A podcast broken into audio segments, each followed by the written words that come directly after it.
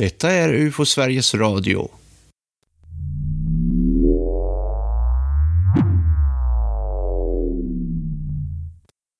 UFO-fenomenet är hetare än på många år och till jul kommer filmen UFO Sweden att späda på intresset ytterligare.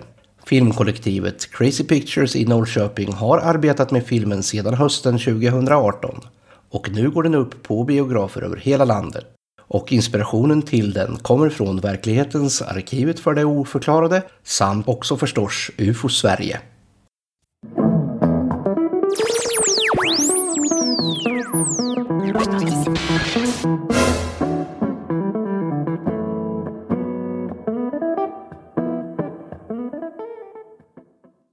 I UFO Sveriges Radio idag, Claes Svahn och Tobias Lindgren. Jag hälsar framförallt våra lyssnare varmt välkomna, men också till dig, Claes Svan. Välkommen! Tack så mycket Tobias! Bråda dagar så här för oss båda två och då tänker jag kanske inte bara på julbestyren utan en hel del UFO-arbete. Så är det. Mycket har det varit och mycket kommer det att bli. Det hade vi kanske inte i åtanke när vi en gång i tiden började intressera oss för ufo-fenomen att det emellanåt skulle bli så mycket rampljus riktat mot oss. Trots att det idag är årets mörkaste dag nu när vi poddar.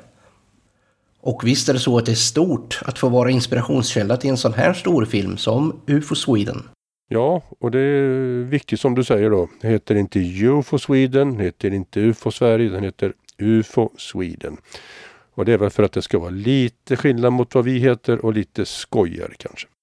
Men vi ska väl ta och börja från början här. Hur kommer det sig då att det här filmkollektivet Crazy Pictures hittade UFO Sverige?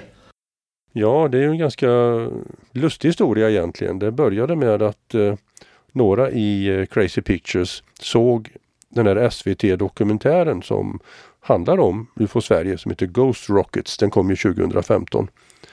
Och Ghost Rockets eh, är ju en film då som gjordes av Michael Kavanagh och Kerstin Überlacker i Malmö. Två filmare då som följde UFO Sverige under mer än fyra år faktiskt. Eh, för er som inte har sett den så kan jag säga att den finns faktiskt att eh, hyra på nätet och den handlar om ja, våran eh, jakt, vårat sökande efter en sjunken spökraket i sjön Namajaure i Muddus nationalpark väldigt långt norrut öster om Jokkmokk. Och eh, det handlar om våra två expeditioner dit. Och den såg då några i Crazy Pictures och så upptäckte de då att herregud, det finns ju en förening som heter UFO Sverige som sysslar med att undersöka sådana här knepiga händelser. Och det finns ett arkiv som heter Archives for the Unexplained, AFU i Norrköping, där vi bor. Och till och med så nära då så att en i, eh, i det här filmkollektivet, eh, Victor Danell då, kunde se till AFU, till arkivet från sin bostad. Så vad gjorde han då?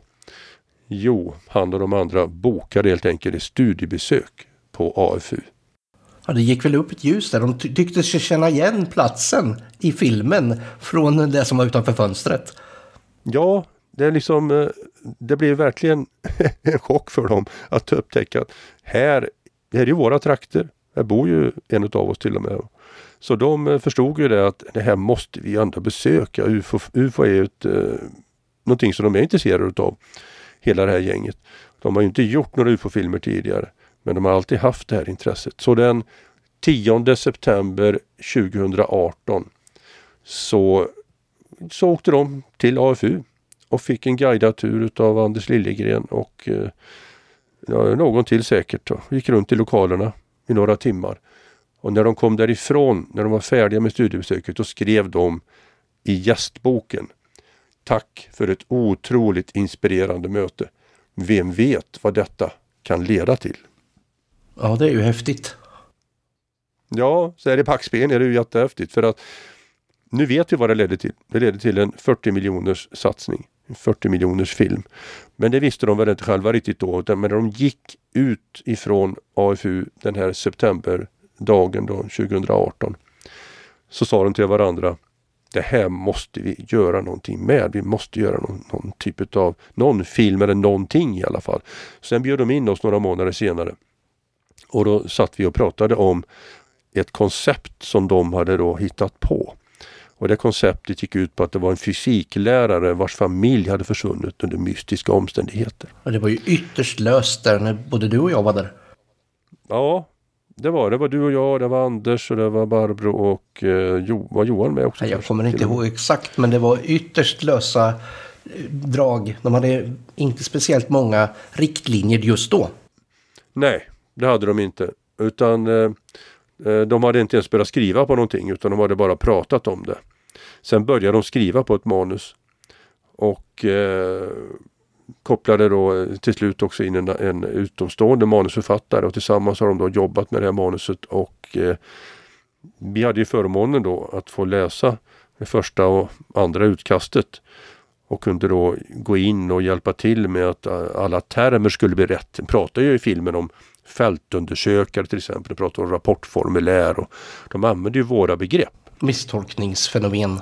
Ja, allt det där va? det känns ju hemtamt för oss. Det är exakt så som vi pratar och det har vi lärt då till och med några utav eh, Crazy Pictures och även manusförfattaren Jimmy som eh, har skrivit det mesta utav manuset. De har ju gått våran kurs för fältundersökare. Och sen hade ju en liten specialare för dem på plats. Ja men det är ju jättekul va. I förra sommaren då så hade vi ju det under pågående coronapandemi. Vi fick ju ta eh, covid-test. Och... Ja, det var tester hit och dit hela tiden och munskydd överallt. Ja, exakt. Alltså, man ser bilder från det där mötet och det kan du ju läsa lite om på ufo.se också. Det ligger en artikel ute just nu som handlar om lite utav det vi pratar om just nu. Va?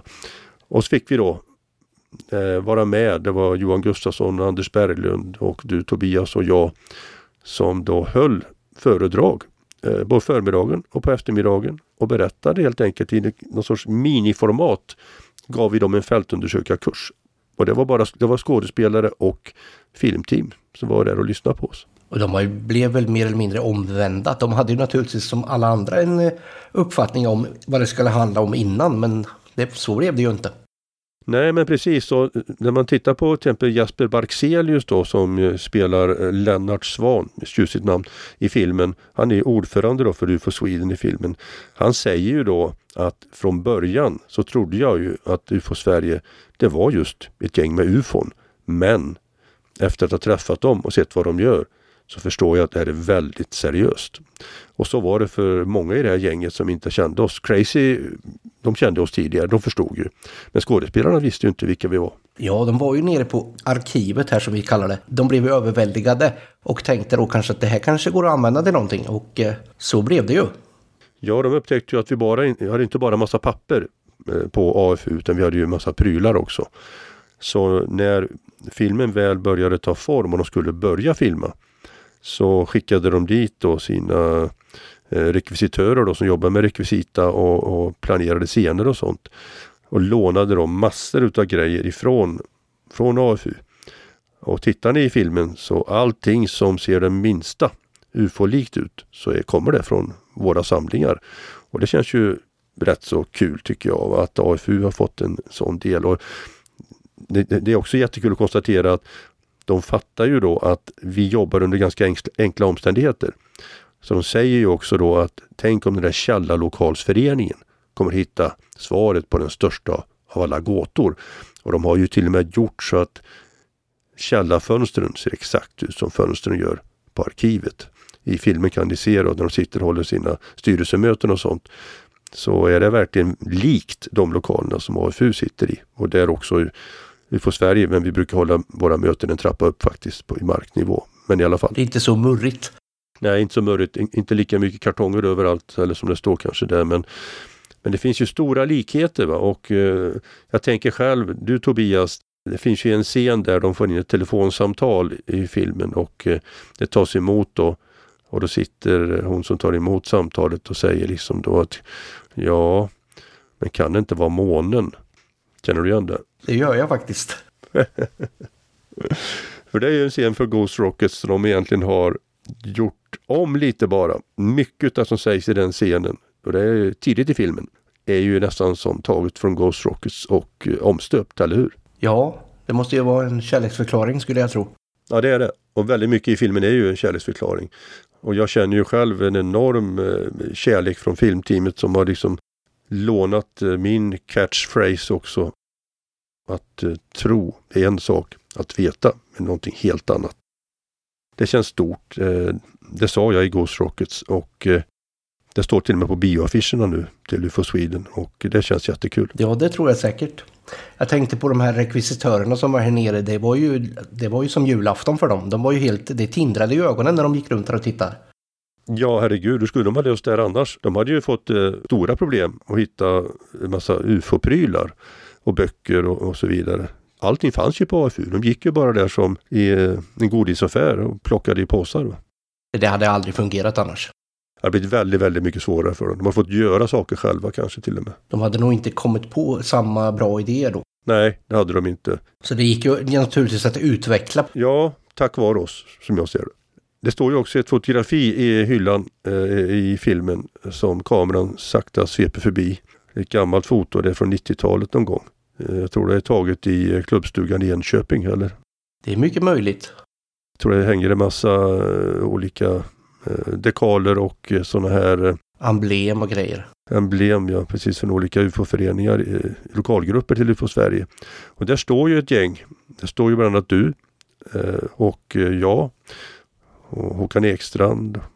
Gunnar Karlsson tror jag står där och ja, ännu fler. Och några har fått sina ansikten utbytta. Mm, det känner jag igen.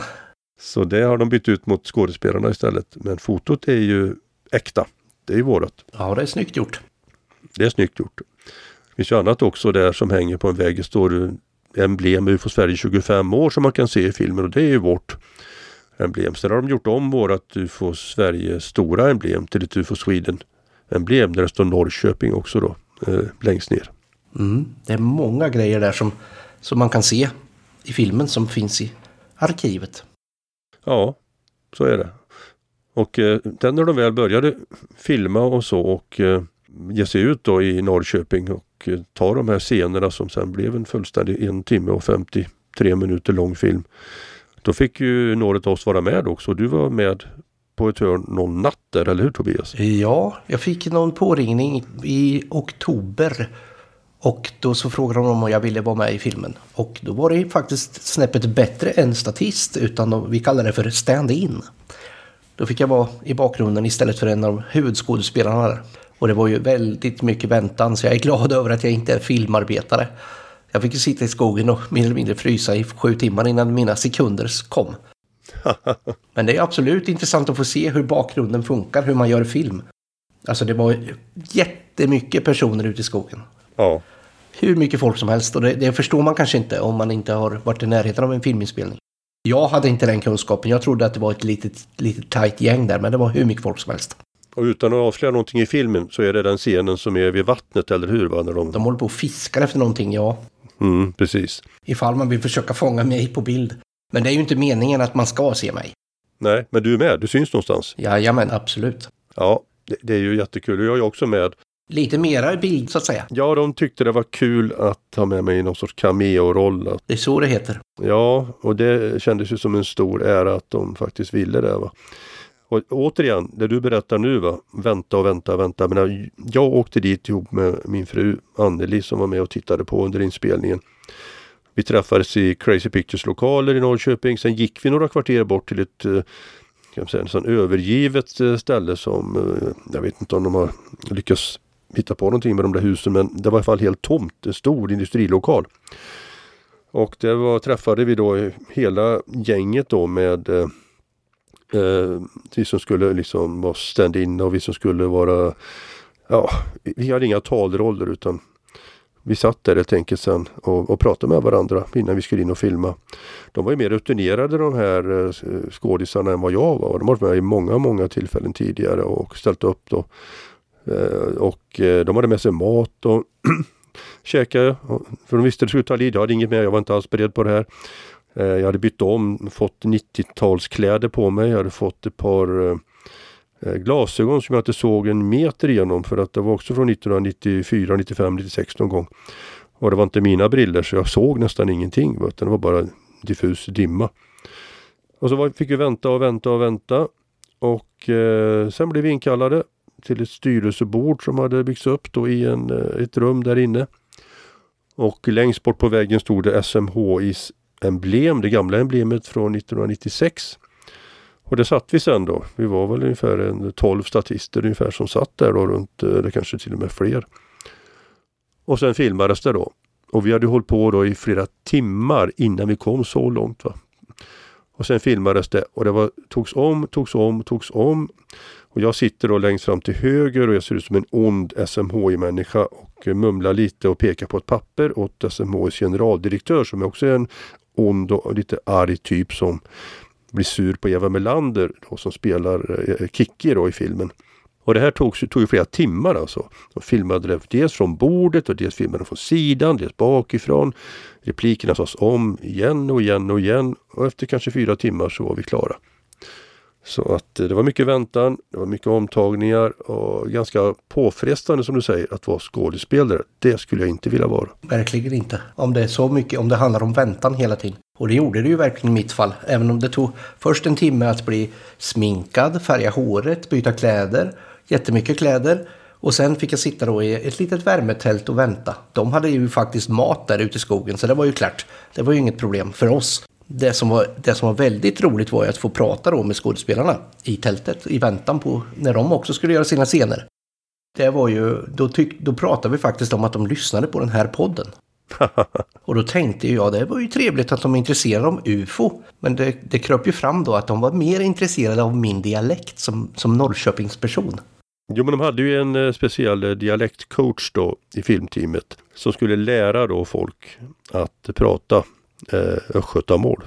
Och jag som tycker att jag pratar rikssvenska. Ja, det kanske du inte gör riktigt Tobias. Som vi ska... Man hör ju inte sånt där själv. Sånt där, nej det gör man ju inte. Eh, och det, menar, en av skådespelarna är ju från Dalarna och hon fick ju lära sig att prata östgötska. Det, det gör hon ju i filmen också. Ja, det blir ju bra. Det, det får ju inte bli pajigt på något sätt. Nej. Risken är ju att man leker med dialekter, att det blir överdrivet. Ja, den risken är ju stor. Va?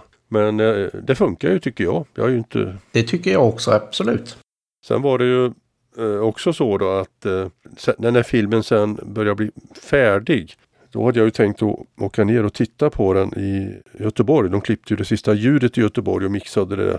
Men då blev det snöstorm så jag kom aldrig iväg. Så det dröjde då till några dagar in i december. Då ringde filmteamet och sa då att nu har vi en visning. Vill du komma ner och titta på den på Cinema så kan du komma ner.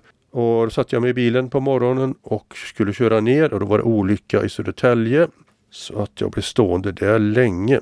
Så jag fick ringa ner och be att de skulle vänta på mig. Så att det gjorde de. Vi var bara sex personer i lokalen så att det var ganska lugnt. Och då såg jag filmen för första gången och tänkte Alltså jag kunde inte titta på filmen som film då. Jag tittade på alla detaljer. Jag kollade, oj där står den där boken och där står det där som vi har lånat ut. Och där är det och där är det. Så det var väldigt svårt att bilda sig en uppfattning om den. Och då var det bara du och några skådespelare? Ja, det var Jesper Barkselius och Ines Dahl Torhag och jag och så var det några från Crazy Pictures och så var det Johan Karlsson från Norrköpings filmfond och, och Cinema. Det var alla, det var helt tomt i lokalen, det var bara vi. Så det var lite bisarrt att sitta och se på filmen på det sättet. Sen var det ju premiär då i eh, Norrköping den 12 december och det var ju häftigt. Då var ju du med också. Ja, absolut, det var jättestort. Alltså det var ju, för det första var det ju massor av folk. Det, det var ju fullt i alla salonger och de visade bara den här filmen, bara UFO Sweden för hela slanten. Och innan man gick in på filmen så blev vi filmade och intervjuade av Norrköpings Tidningar och eh, fick popcorn och Coca-Cola var det väl? Ja, Gratis. det bjöd de på. Men det var ju väldigt mycket röda mattan där också. Man skulle bli fotograferad hit och dit och med kändisarna. Ja, det var lite häftigt. Eh, det kändes lite stort alltså att, eh, att vi var en del utav detta. Och det har de ju sagt till oss gång efter annan. Så fort jag pratar med skådespelarna eller med eh, Crazy Pictures säger de att ni är en sån oerhört viktig del av filmen. Ni förstår kanske inte det. Va?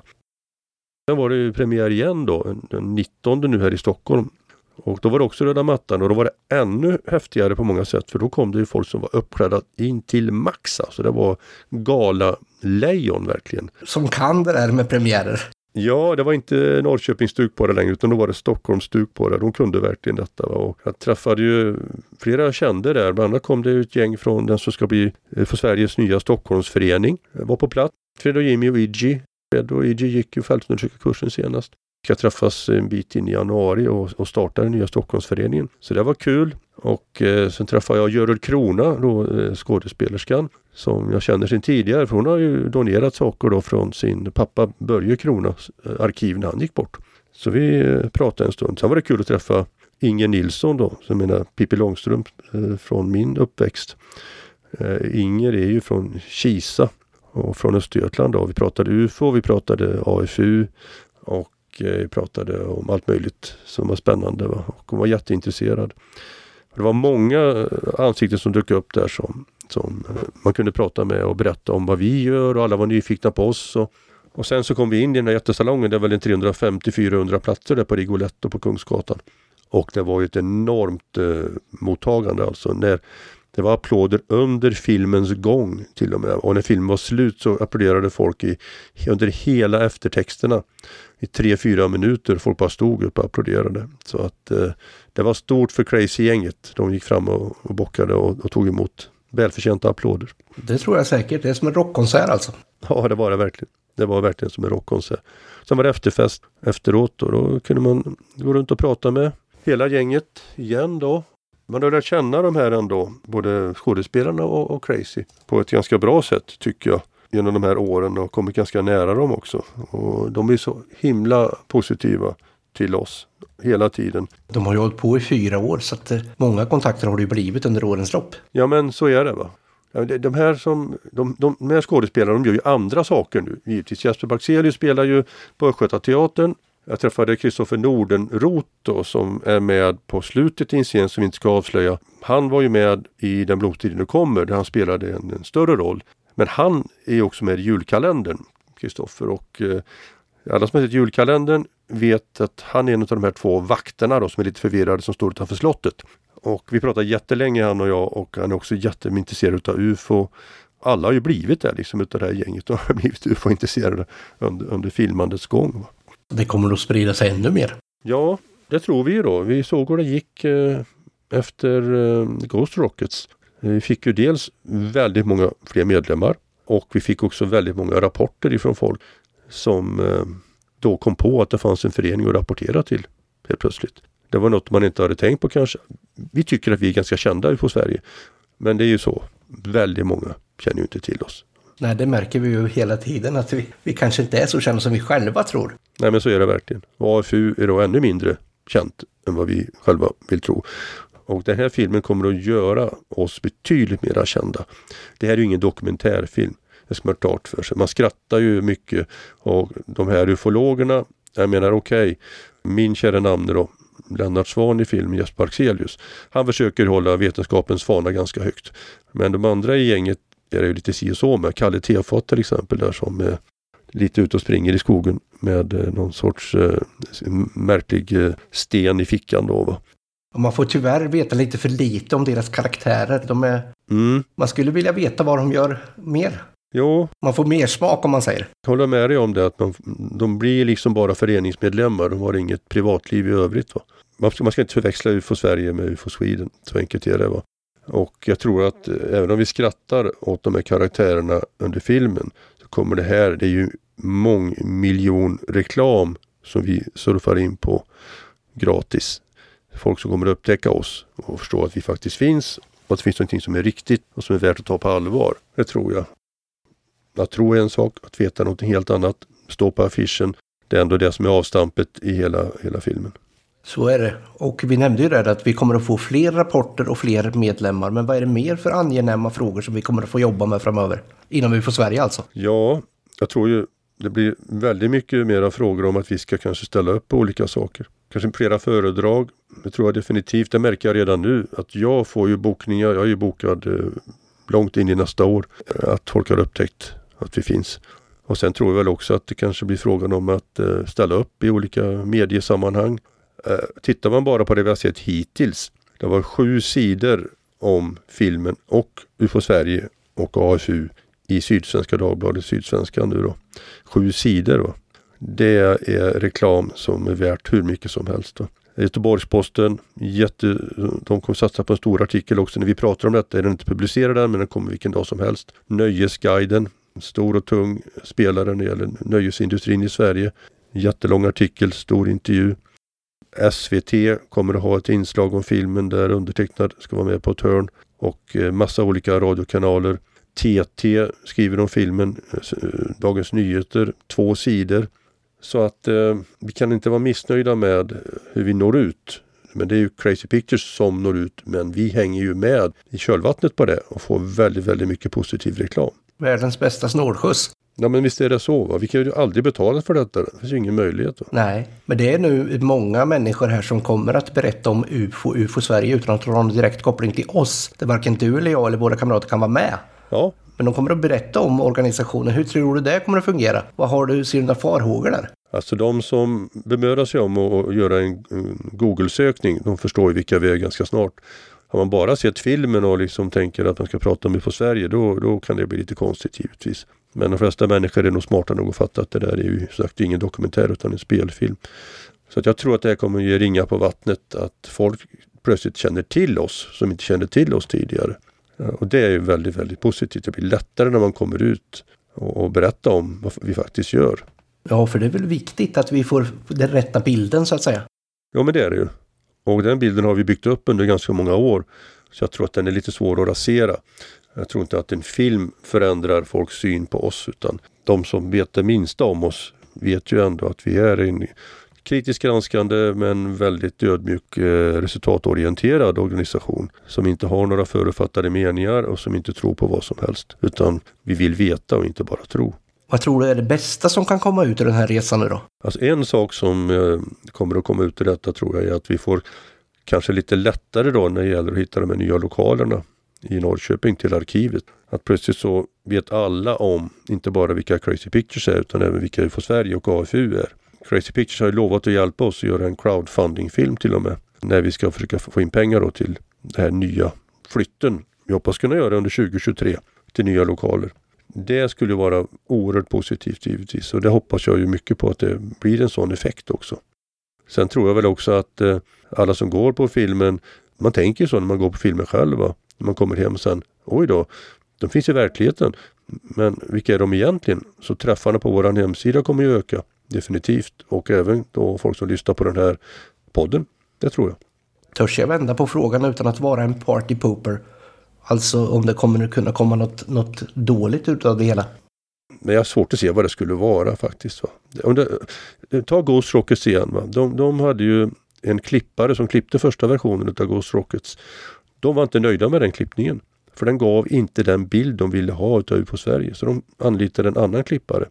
Som fick den här mera korrekta bilden utav på Sverige. Att vi är ett gäng hårt arbetande, ganska ödmjuka och ganska enkla människor i grund och botten som gör vårt bästa för att hitta förklaringar på märkliga fenomen. Bemödar sig man sig det minsta så tar man ju reda på vilka vi är och kanske börjar lyssna lite på poddar och, och läsa vad vi skriver på vår webbplats och så vidare. Så jag, jag ser egentligen inte någonting negativt som kommer ut ur det här. Då, då måste man verkligen vilja vara negativ. När tycker du att det är dags att vi gör en podd med Crazy Pictures? Ja, det är ju en bra fråga Tobias. Det vore ju himla kul att göra det. Eh...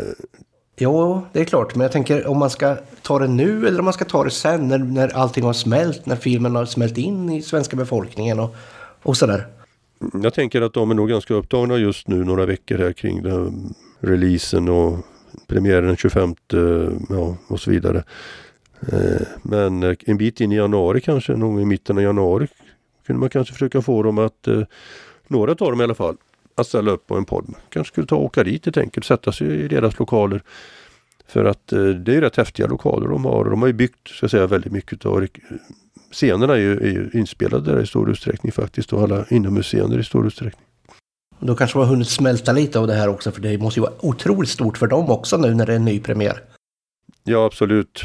Man måste verkligen tänka så här att det är deras grej det här. Va? Det är deras film. De har gjort allt arbete. Vi har varit med på ett hörn och gjort en del av arbetet. Men det är ju deras grej och de ska verkligen njuta av det som kommer nu. Vi hoppas att de får bra recensioner. Det är de värda tycker jag. Eh, jag tycker filmen är bra. Jag har sett den tre gånger som sagt och jag tycker den blir bättre. Bättre och bättre. Kanske mycket för att jag själv kan börja se den mer och mer som en film nu och inte börja titta på detaljerna som jag sa förut. Så är det, den kräver nog några tittningar. För oss ska jag säga. Ja, vi, vi är för insyltade i det. Jag, menar, jag har sett så många av scenerna förut under arbetets gång. Så att eh, det, det, är lite förstört. Jag, jag märkte nu att jag kan långa stycken av repliker och sånt till och med när jag sitter och lyssnar. Va? Så det, det är inte riktigt bra. Utan eh, jag hoppas att eh, alla kan uppleva den som en färsk och fräsch film i alla fall. Och eh, jag såg att SVT eh, hade ju en recension då, eh, Fredrik Salin då som var, var, väldigt positiv till filmen. Han säger ju så här va, att eh, lekfullt, rymdnördigt och en del snygga specialeffekter som också blivit Guldbagge-nominerade skriver han. Va? Och han säger också i en intervju då på SVT att eh, han fick omvärdera filmen lite. Han gick in i den och trodde att det var en, mer en vuxenfilm men han förstod ändå att det var kanske mer en ungdomsfilm tyckte han då när han ändå satte sig ner. Han hade med sig vet jag i salongen också på Rigoletto en yngre förmåga så att den till honom. Jag vet inte vem det var men det kan ha varit något barn. Eller så, så att han fick nog lite feedback tror jag från en, en yngre generation också. Ja, för det, det känner jag också att det är för hela familjen om man säger. Kanske inte de allra yngsta men Nej, det är hel, hela, hela spannet får någon del av det hela. Absolut, det är ju verkligen en julfilm på det sättet. Och den är ju satt den 25 december. Och det ska man ha klart för sig att det är inte alla filmer som får den chansen. Det är ju SF då, Svensk Filmindustri, som har bestämt det här och det är deras biografer som den går upp på runt om på filmstäder och städer och sådär. Så att eh, den är gjord för att kunna konsumeras av en bred publik. Så är det. Sen gäller det att folk också tar sig till biograferna. Och jag menar det är ju som det är va. Det är, nu är folk sjuka igen. Det går Corona, det går förkylningar. Du är själv lite snuvig Tobias och jag menar det är ju den tiden på året. Så är det, men man ska också vara klar över att det är en saga. Det är ju inte en, en dokumentär som kommer upp på biograferna. Nej, och man ska njuta av den sagan tycker jag. Och eh, sen eh, det finns ju saker då som man inte får, man får liksom godkänna att en del saker är mera magiska än andra. Och så är det ju alla science fiction-filmer. Eh, det händer saker som man inte riktigt kanske har den fysiska, de fysiska ekvationerna att eh, grunda det hela på. Och de tänjer ju på de gränserna i, i slutet då på, på, filmen. Och det gör man ju med filmarnas rätt givetvis. Eh, så att eh, det är ju inte en fysikprofessor som har gjort filmen heller. Då hade det nog blivit betydligt fyrkantigare. Mm, absolut. Då. Nej, men gå och se den tycker jag och eh, för oss i UFO Sverige så är det här en, eh, en fantastisk möjlighet och en stor stund vad det gäller vår möjlighet att synas och, och möta våran publik. Det lär nog dröja innan vi får den här exponeringen nästa gång. Det gör det. Det kommer att dröja väldigt länge säkert. Det är inte säkert att det ens inträffar någon mer gång. Eh, nu är det här gjort och det är svårt att se att någon skulle göra samma sak om det inte blir en uppföljare givetvis. Vill du skicka med några ord till de som ska se filmen här nu på juldagen? Ja, jag tycker att gå in i det här nu och, och tänk att nu ska jag bli underhållen verkligen. Se inte detta som någonting annat än väldigt god underhållning. Men tänk också att man kan faktiskt bli fältundersökare på riktigt. Och då kan man gå våran kurs i oktober 2023 i Östergötland, vilket ju känns lite fint med tanke på vad vi pratar om just nu. Eh, så finns ju på Sverige på riktigt. Och det går att bli medlem, det går att läsa våra tidningar och eh, känn spänningen att åka ut och undersöka en UFO-rapport, att träffa en person som har sett någonting väldigt, väldigt konstigt på himlen. Det finns inget större för mig. Det är fortfarande lika mycket pirr i magen och lika roligt att försöka göra detta. Så ta med lite popcorn, en god dricka, några vänner och så besöker ni närmaste biograf och tittar på filmen. Nej men även om det inte ser ut som att det ska bli jul här i Stockholm. Det har tinat bort nästan all snö nu och det är kolmörkt utanför fönstret där. Så blir det jul snart och julafton står ju för dörren. Så eh, ja, vill i alla fall önska god jul till alla och eh, till dig Tobias och god fortsättning på arbetet med våran fina podd. Jag tackar och önskar er också en god jul. UFO Sveriges Radio görs av Riksorganisationen UFO Sverige. Webbsidor att hålla koll på är ufo.se och afu.se. Hör mer än gärna av er till UFO Sverige genom vår adress info.ufo.se. Alldeles i dagarna kommer ett nytt nummer av UFO Aktuellt att dimpa ner i din postlåda om du är prenumerant. Om så inte är fallet har vi ett mycket fördelaktigt sparpaket med UFO Aktuellt, Rapportnytt och medlemskap i Riksorganisationen UFO Sverige. Rapporterar en händelse gör man enklast via webbplatsen ufo.se. Dela gärna med dig på våra sociala medier om vad just du tycker om filmen UFO Sweden. Fortsätt gärna att lyssna på UFO Sveriges Radio. Jag tackar dig Claes Svahn för medverkan i UFO Sveriges Radio. Tack, tack. Música